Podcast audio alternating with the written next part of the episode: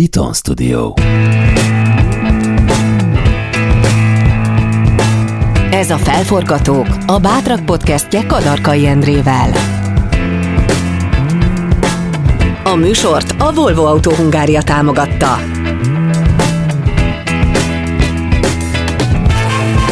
Az igazán sikeres emberek letérnek a kitaposott ösvényről, saját utat választanak, és ha el is buknak néha, még nagyobb lendülettel kezdik újra. Ők azok, akik átírják a játékszabályokat, új utat keresnek, és elérik, amit szeretnének. A Felforgatók Podcast olyan magyarok történetét meséli el, akik mertek szembe menni az árral. A Forbes a magyar kultúra negyedik legbefolyásosabb nőjének rangsorolta. Igazi úttörő. Az aukciók vezetése évtizedeken át a férfiak kiváltsága volt. Aztán jött, és hamarosan ő lett a nagybetűs árverező. Mindenhová őt hívták. Szinte színházi előadást kreált az aukciókból, amik társadalmi események kialakultak. De még ennél is nehezebb volt, hogy művészettörténészként elfogadjanak egy nőt. Mára ezt is sikerült elérnie. Most pedig következnek a műsor szponzorai, majd mindezt átbeszélem Virág Judittal. A felforgatók azok az újítók, akik nem kötnek kompromisszumokat. Mi a Volvo-nál hiszünk abban, hogy a környezet tudatosság és az élményekkel teli autózás megfér egymás mellett. Mostantól minden modellünk a legfejlettebb plug-in hibrid hajtással is rendelhető. Ultra alacsony károsanyag kibocsátás és kiváló menetdinamika egyszerre. Maradjon lendületben és közben óvja a jövőt. Volvo plug-in hibrid modellek. Mindig feltöltve. Van egy másik családom. Nem tudom, hogyan telnek a napjaik. Kit szeretnek, és ki szereti őket. Ahogy az sem, hol élnek, vagy miről álmodnak. Mégis minden karácsonykor meglepem őket. Vegyél részt te is az Adni Öröm adománygyűjtő akcióban. Vásárolj tartós élelmiszert a Spár és Interspár áruházakban.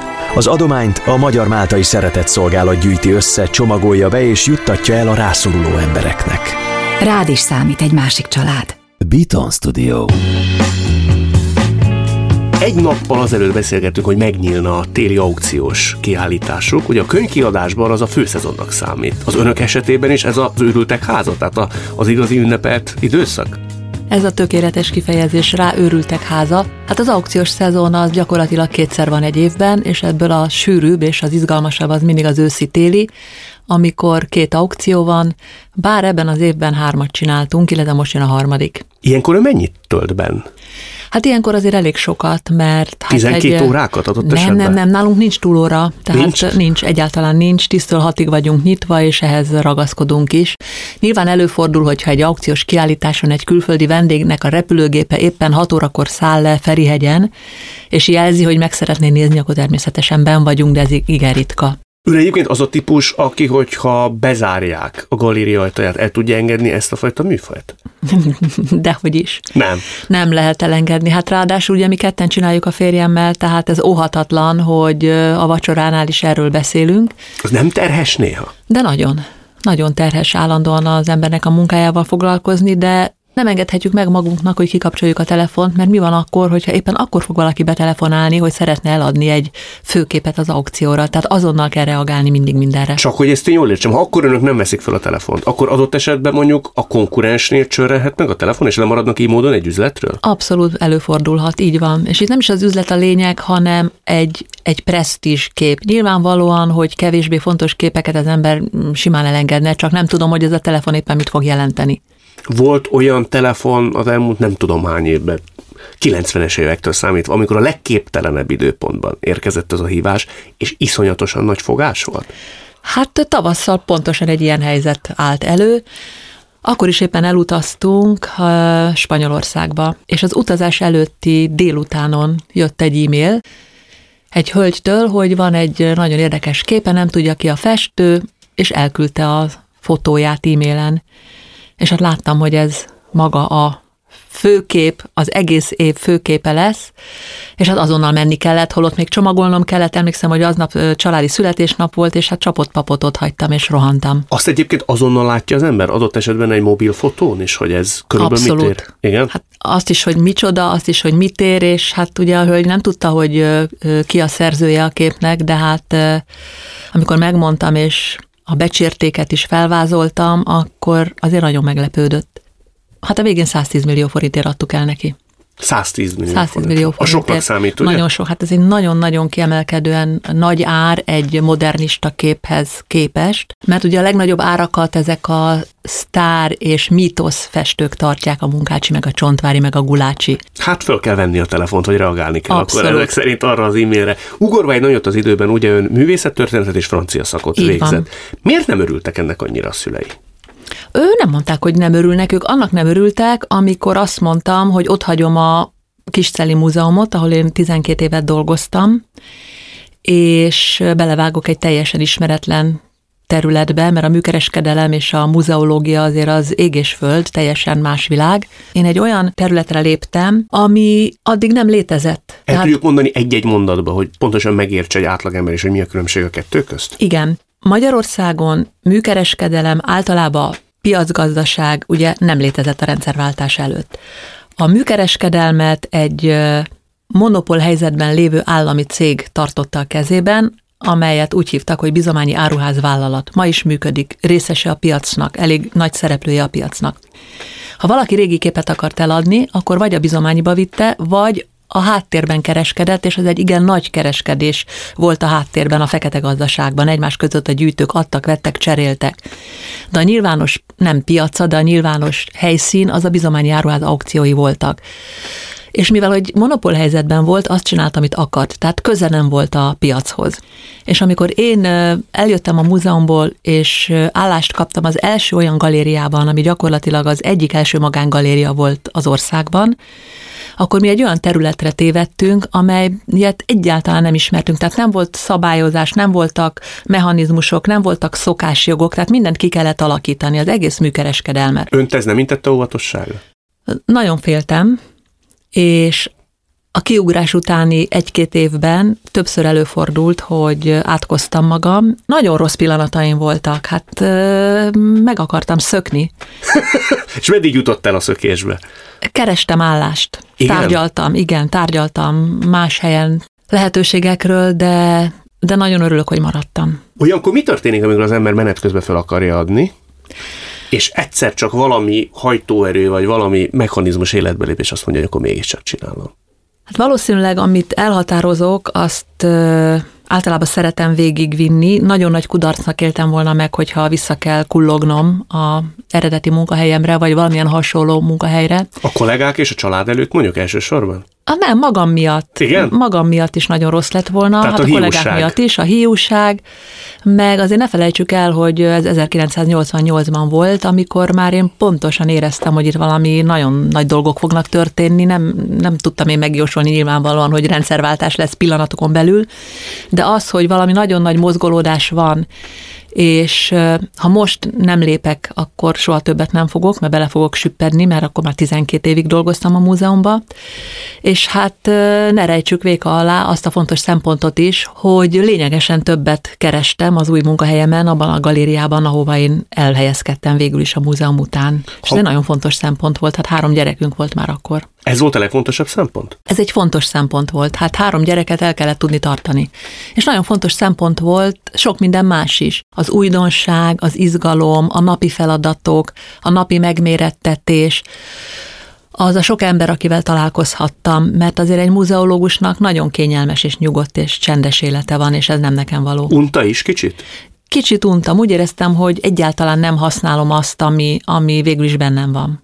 Maga az a tény, hogy valamit létre kell hozni, ami nincs, tehát egy, egy, egy piacot kell létrehozni, ez nagyon izgatott. És tulajdonképpen ami engem ott tartott, visszatérve a kérdésre, az az, hogy ö, 1988, azt hiszem október lehetett, november, amikor megkérdezte tőlem a műgyűjtők galériájának az ügyvezető igazgatója Pácai Vilma, aki egyébként a Pácai Pászobrász művész unokahuga, megkérdezte, hogy Judit, csináljunk aukciót? Mondtam, csináljunk. És belevágtunk, anélkül, hogy fogalmunk lett volna, hogy kell vezetni, hogy egy aukciót levezetni, hogy kell egy katalógus megcsinálni, hogy kell az anyagot összegyűjteni, hogy kell tálalni. Az úgy kezdődött, hogy először ugye nem volt árverésvezető, mert egyetlen egy árverésvezető volt Magyarországon, és az a bizományié volt, azt nyilván nem lehetett kölcsönkérni. Viszont volt egy ügyfelünk, egy francia árveres, árverezőháznak a tulajdonosa, aki, aki árveréseket is vezetett, és Hát emlékszem, hogy milyen óriási sajtót kapott Franciaországban az, hogy úgy hívták, hogy Monsieur Jean-Claude Anaf, hogy Monsieur Anaf megtanítja Kelet-Európát árverezni. Még a francia El magazintól is jöttek ö, újságírók, hogy megmutassák, hogy Anaf mekkora hőstettet visz véghez, amikor ugye a vasfüggöny túloldalán valakit megtanít árverezni. És hát ugye francia szakos voltam, és én voltam az ő szinkrontolmácsa. És az első pár tételnél éreztem, hogy, hogy tényleg ez az. Tehát megtaláltam azt, amit kerestem. Nyilván, De mit? Hát nyilván egy kis exhibicionizmus is van bennem, hát mit tagadjuk. azt, hogy az ember ott áll, és egy, egy, egy helyzetet, egy folyamatot kézben tud tartani, látja, hogy mi a fontos, mi nem a fontos, iszonyú gyorsan kell cselekedni, mozogni, reagálni, mindenhova figyelni, tehát egy borzasztó nagy koncentrációra van szükség. És ő jött, egy éven keresztül jött, úgyhogy azt hiszem, hogy három árverést tolmácsoltam neki, és akkor utána azt mondtam, hogy most ezt én szeretném csinálni. Már három után? Három után, igen, hogy hagyjuk a, az anafot, én ezt meg tudom csinálni, és el is mentem hozzá Lyonba megnézni, hogy voltak éppen hogy kell egy aukciót megszervezni, mert mi leutánoztuk azt, ami a bizományiban történik. És akkor, amikor kimentem hozzá, és ott megnéztem, hogy ez tulajdonképpen sokkal több, mint amit mi gondoltunk, mert ez, ez akkor kezdődik, amikor a képeket elkezdik gyűjteni és feldolgozni, hogy azt hogy kell, milyen lépései vannak, hogy kell egy aukciós sorrendet megcsinálni, hogy kell ezt a katalógusban tálalni. Tehát mindaz, ami ma itthon Magyarországon aukció technikailag létezik, azt hát azt gondolom, hogy abban nekem nagyon nagy szerepem van, hogy ez ma így van. Azt mondja, hogy minden alkalommal megfogadja, hogy ez az utolsó, de azért mégis élvezi nagyon. Ez nagyon látszik. élvezem, nagyon élvezem, nagyon szeretem, de egyébként most, december 15-én valóban az utolsó jön. Már ezt hogy érti? Ezt úgy értem, hogy a legkisebbik lányom dolgozik velünk tizenvalahány éve már, és ő, ő a... Anna, ugye? Az Anna, igen, és ő a, a árverező társam most már mm, tíz éve, mert ugye egy árverést ketten vezetünk, van, aki a liciteket mondja, és utána az úgynevezett visszhang, úgy hívják a szakmában, a visszhang pedig bemondja, hogy 423-as tárcsa, 42 millió forint. Na most ez az Anna. És az utóbbi két-három évben már a kisebb aukcióinkat ő vezette, sőt, nagyon sok jótékonysági árverést is vezetett, és nagyon-nagyon-nagyon jól, és tényleg hibátlanul és fantasztikusan. És idén már a három nagy árverést ketten vezettük úgy, hogy 20 tételt ő, 20 tételt én, felosztottuk egymás közt, és ez most lesz az utolsó egy ilyen árverés. És jövő májusban ő jön. És ön befejezte, úgy, ahogy van? Azt abba lehet hagyni. Hát az árverés vezetést fejeztem be, a munkát természetesen nem. Hát de az árverés vezetés azért azt gondolom, hogy egy kitüntetett pillanata volt az egész munkájának. Így van.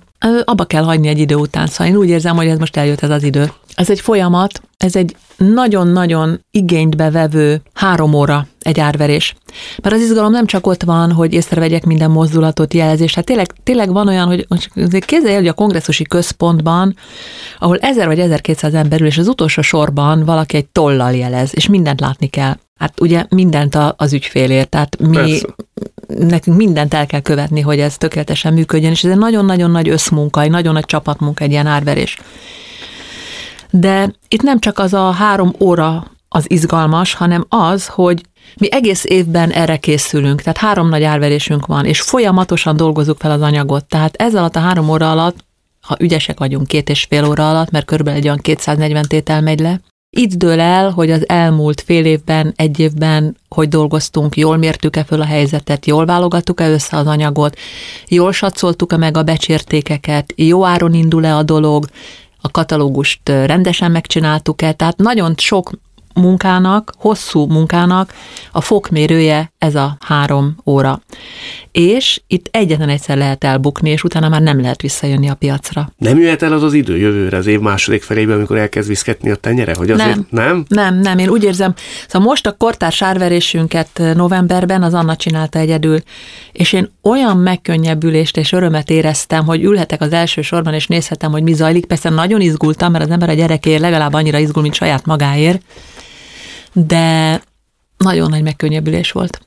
Hallgassuk meg most akkor a már említett Annát, Kellen Annát, hogy ő hogy gondolja mindezt, legalábbis hogy gondolkodik önről, mint, mint vezetőről, mint árverés vezetőről. Kellen Anna következik sokkal szárazabb és személytelenebb aukciók vannak külföldön. Sokkal, ezt egyébként a külföldi ügyfeleink is kiszokták emelni, hogy meglepődve, meglepődve tapasztalják, hogy itthon Magyarországon egy aukció az egy társadalmi esemény, olyan, mint egy színházi előadás. Akár ezer ember is eljön egy-egy aukcióra és érdeklődik, és uh, végig, pedig ez körülbelül két-három óra, és végigülik, és figyelemmel végignézik, ez mind, ez, ez neki köszönhető, hogy ezt egy, egy súelemé tudta tulajdonképpen tenni, és mindezt egy nagyon-nagyon finom, nagyon kifinomult stílusban. Nem akarok udvariatlan lenni, de a begyöpösödött, adott esetben korlátokkal is küzdő magyar piac nem gondolta ezt időnként majomkodásnak kezdet kezdetén? Megjelentek cikkek, emlékszem, hogy egyébként amikor Amerikában kin voltam, és azt mondtam, hogy ha nekem egyszer egy olyan cégem lesz, ahol saját árverést csinálok, akkor az pontosan így fog kinézni, mint New Yorkban. És pontosan úgy néz ki. Tud mondani egy plastikus példát, hogy mi a különbség az akkori igen. magyar viszonyok és az ön által meg foganatosított amerikai viszonyok között?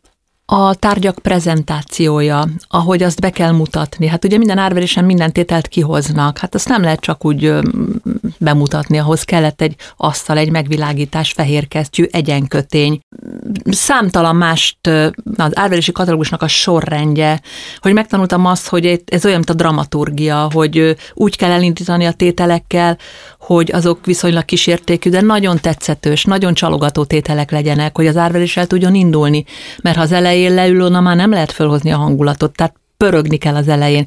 Akkor lehet egy kis megnyugvás, lehet egy nagy tétel, amire ugye mindenki vár, ezeket el kell helyezni bizonyos tételszámok után, hogy a végén kell, hogy legyen valami nagy felütés, mert ha nincs, akkor mindenki unja és elmegy hogy például a mi első árverésünkön a századik tétel után pesgőt szolgáltunk fel a közönségnek, hogy egy olyan most már azt mondhatnám, hogy erőszakos marketing kampányba fogtunk bele, amit egyébként szintén Amerikában láttam.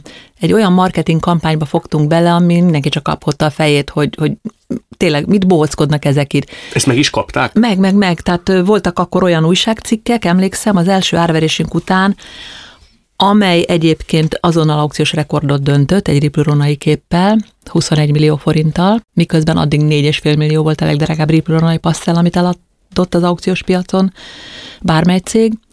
Megkaptuk, hogy ez a sok hókusz-pókusz, ez a sok körítés, minek? Hát kell, mert ez egy, ez egy, ez egy, ez egy ünnep is, egy aukció. No, de vissza oda, hogy először áll kin mindenfajta képzettség rutin nélkül, mármint ilyen értelemben, aukciós vezetőként, akkor...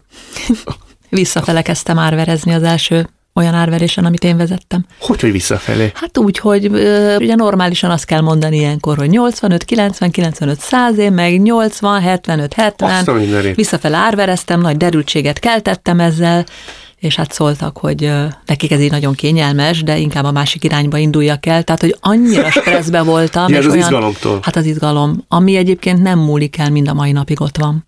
A mai napig? Mai napig, igen. Hát de hány ilyen lehet túl? Fú, egyszer összeszámoltam, nem tudom, nagyon sok. Ennek dacára kiáll oda, addig még nem szólal meg, abba akarja hagyni. Hát amíg, igen, tehát az, az borzasztó, az aukció napja az egy, az egy rémálom mind a mai napig számomra, és mindig megfogadom, úgy... igen, mindig meg soha többet, én ezt nem. Odáig képes eljutni, hogy azt mondja, hogy ez az utolsó Ez az utolsó, és befejezem, mert nem lehet bírni azt az izgalmat és azt a feszültséget, ami ezzel jár. Ott ezer ember néz velem szembe, és tudom, hogy, és ez a legnagyobb stressz, hogy, hogy nem szabad hibázni. Tehát nem lehet nem észrevenni valamit, egy-egy mozdulatot, egy-egy licitet, egy-egy bólintást, mert azon nagyon-nagyon sok múlik. És nem feltétlenül a cégnek, mert hát belefér, hát most semmi baj, hanem annak az embernek nem fér bele, aki a tárgy. Tehát, hogyha leütök egy olyan összeget, miközben még lett volna egy másik licitáló, hát az, az nagyon kínos. Volt ilyen valaha? Persze, hát ezt nem, nem lehet, hát nem lehet hiba nélkül csinálni ezt. Hát én gondolom, hogy minden szakmában mindenki követel hibákat. Nem azt mondom, hogy minden árverésen, de, de minden évben egyszer azért előfordul. Ilyenkor hány napig nem alszik utána? Nagyon rossz érzés, nagyon rossz érzés, mert rossz annak, aki még szerette volna licitálni, és esetleg megvette volna azt a festményt, rossz annak, aki az eladó, mert joggal feltételezhette volna, hogy még ment volna tovább a licit, de hát ez óhatatlan. De azért az eseteknek a nagyon nagy részében kiszokott derülni, hogy tényleg az utolsó utáni pillanatban nyúlnak be, amikor már az embernek a mozdulata kezében van, és már nem tudom visszahúzni. Szerintem az is egy hatalmas dolog volt, hogy aukcióvezetőként, nőként megpróbálni, mert ezt amennyire én tudom, ez annyira virtégli férfi műfaj szakma, hogy Igen. az hihetetlen. Hát, mint sok minden más szakmáról azt gondoltuk, hogy csak a férfiak űzhetik.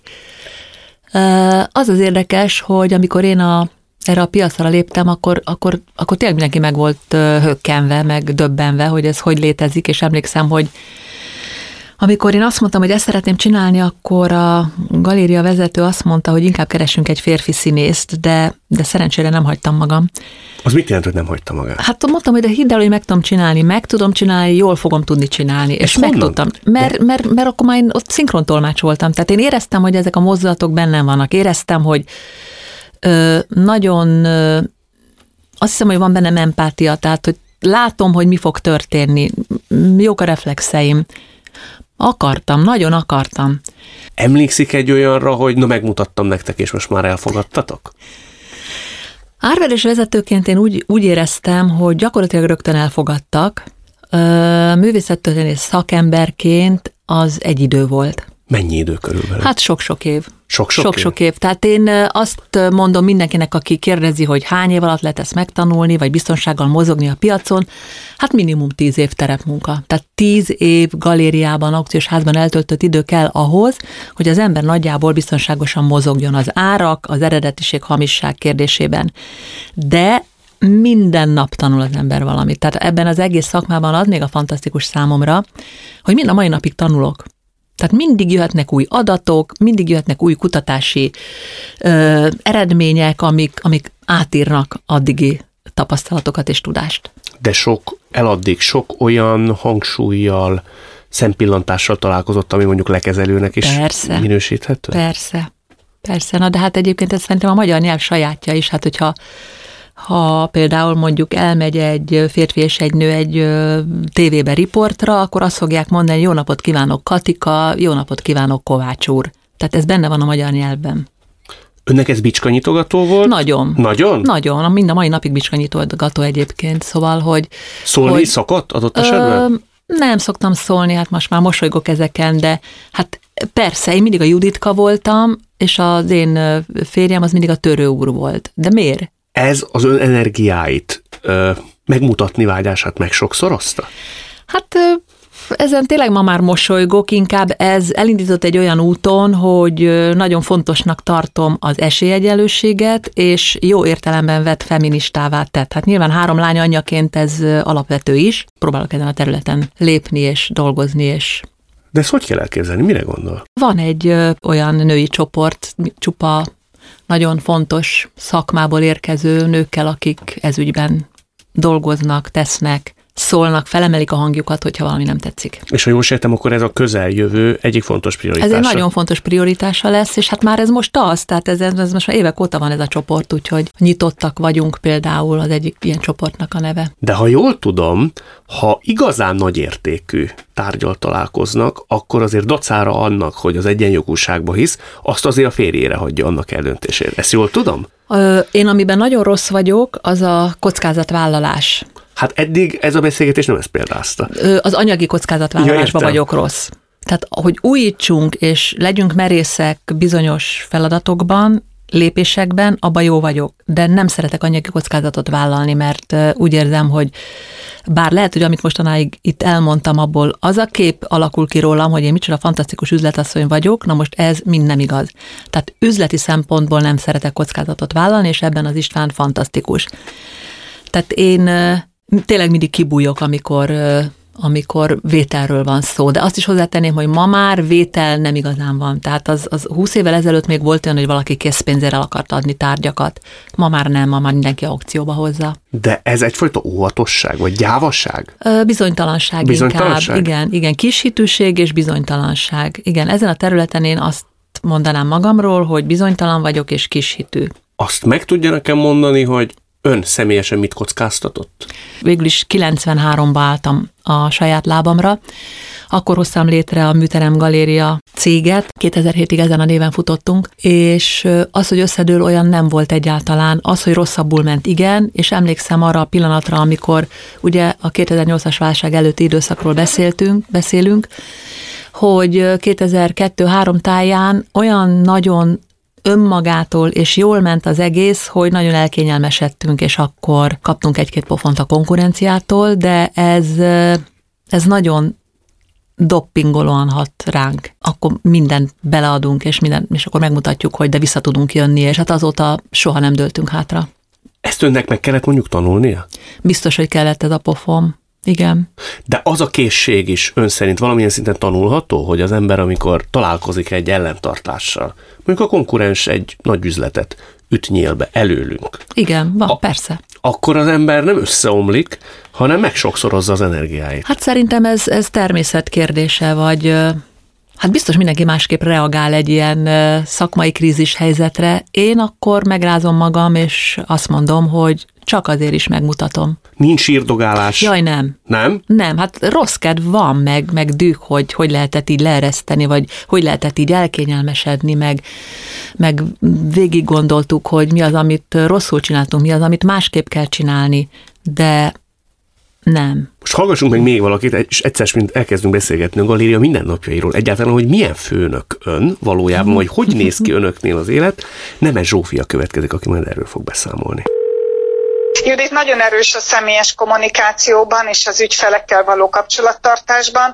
Mint főnök egy nagyon empatikus és lojális a munkatársaival, próbál balanszírozni és az érdekeket szem előtt tartani, tehát nem, nem az a kifejezetten erős kezű főnök.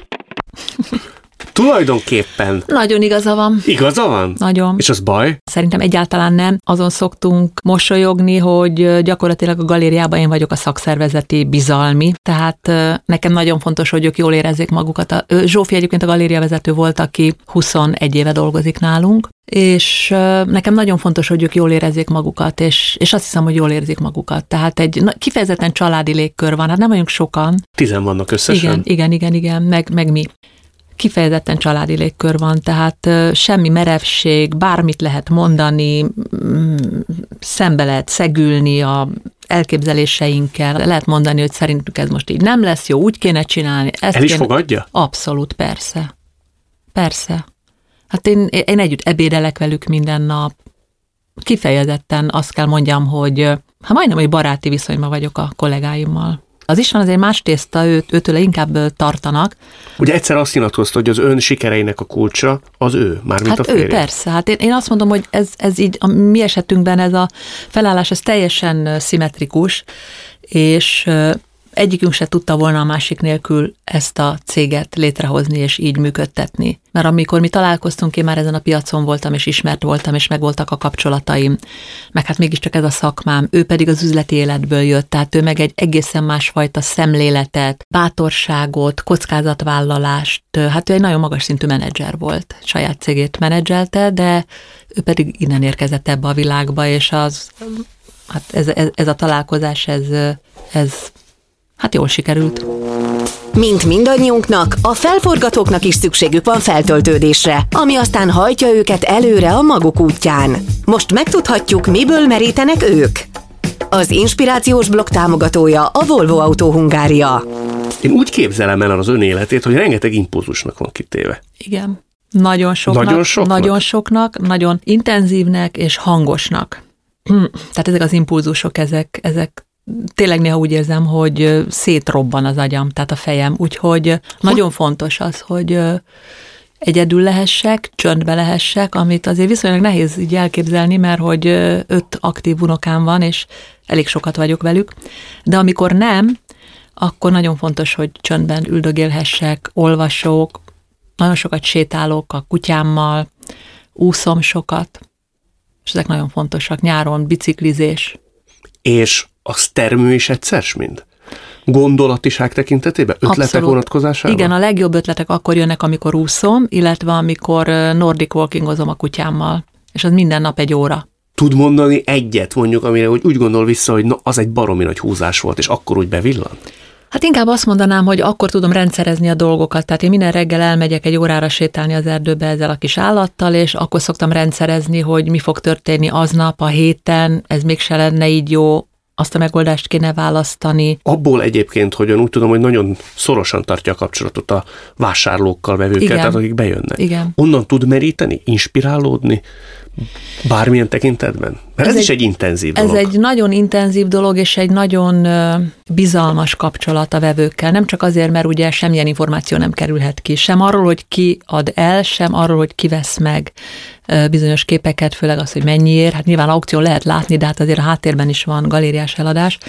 De ami a nagy öröm számomra az, hogy egy nagyon nagyon sokukkal kifejezetten baráti kapcsolatot sikerült létrehoznunk, tehát elmegyünk együtt vacsorázni, hallgatnak ránk, kikérik a véleményünket, hogy hogy kéne a gyűjteményt tovább építeni, és ez egy nagyon felelősségteljes munka. És ugyanakkor meg hát nagyon inspiráló, mert hát ezek a gyűjtemények, amik ma alakulnak, ezek 50-100 év múlva is biztos, hogy egy nagyon értékálló és nagyon kiemelkedő gyűjtemények lesznek, úgyhogy ez egy kreatív munka is. A feltöltődést hozó élményeket a Volvo Autó Hungáriának köszönhetjük.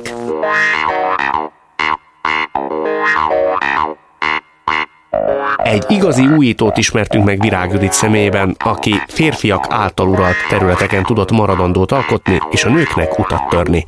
A világot a felforgatók teszik jobb helyé. Konfliktusokat vállalnak, mert hisznek ügyeikben. Nekik köszönhetjük a fejlődést. Magyarországon is vannak felforgatók szép számmal. Legközelebb egy másik nagy úttörő, Szendi Gábor következik. A mai adás szerkesztője Ferkai Marcel, a vágó Dósa Márton, a zenei szerkesztő Szűcs Dániel, a produkciós vezető Pentelényi Kovács Tímea, a kreatív producer Román Balázs, a producer pedig Hampuk Richard volt. Én Kadarkai Endre vagyok, legyetek felforgatók ti is!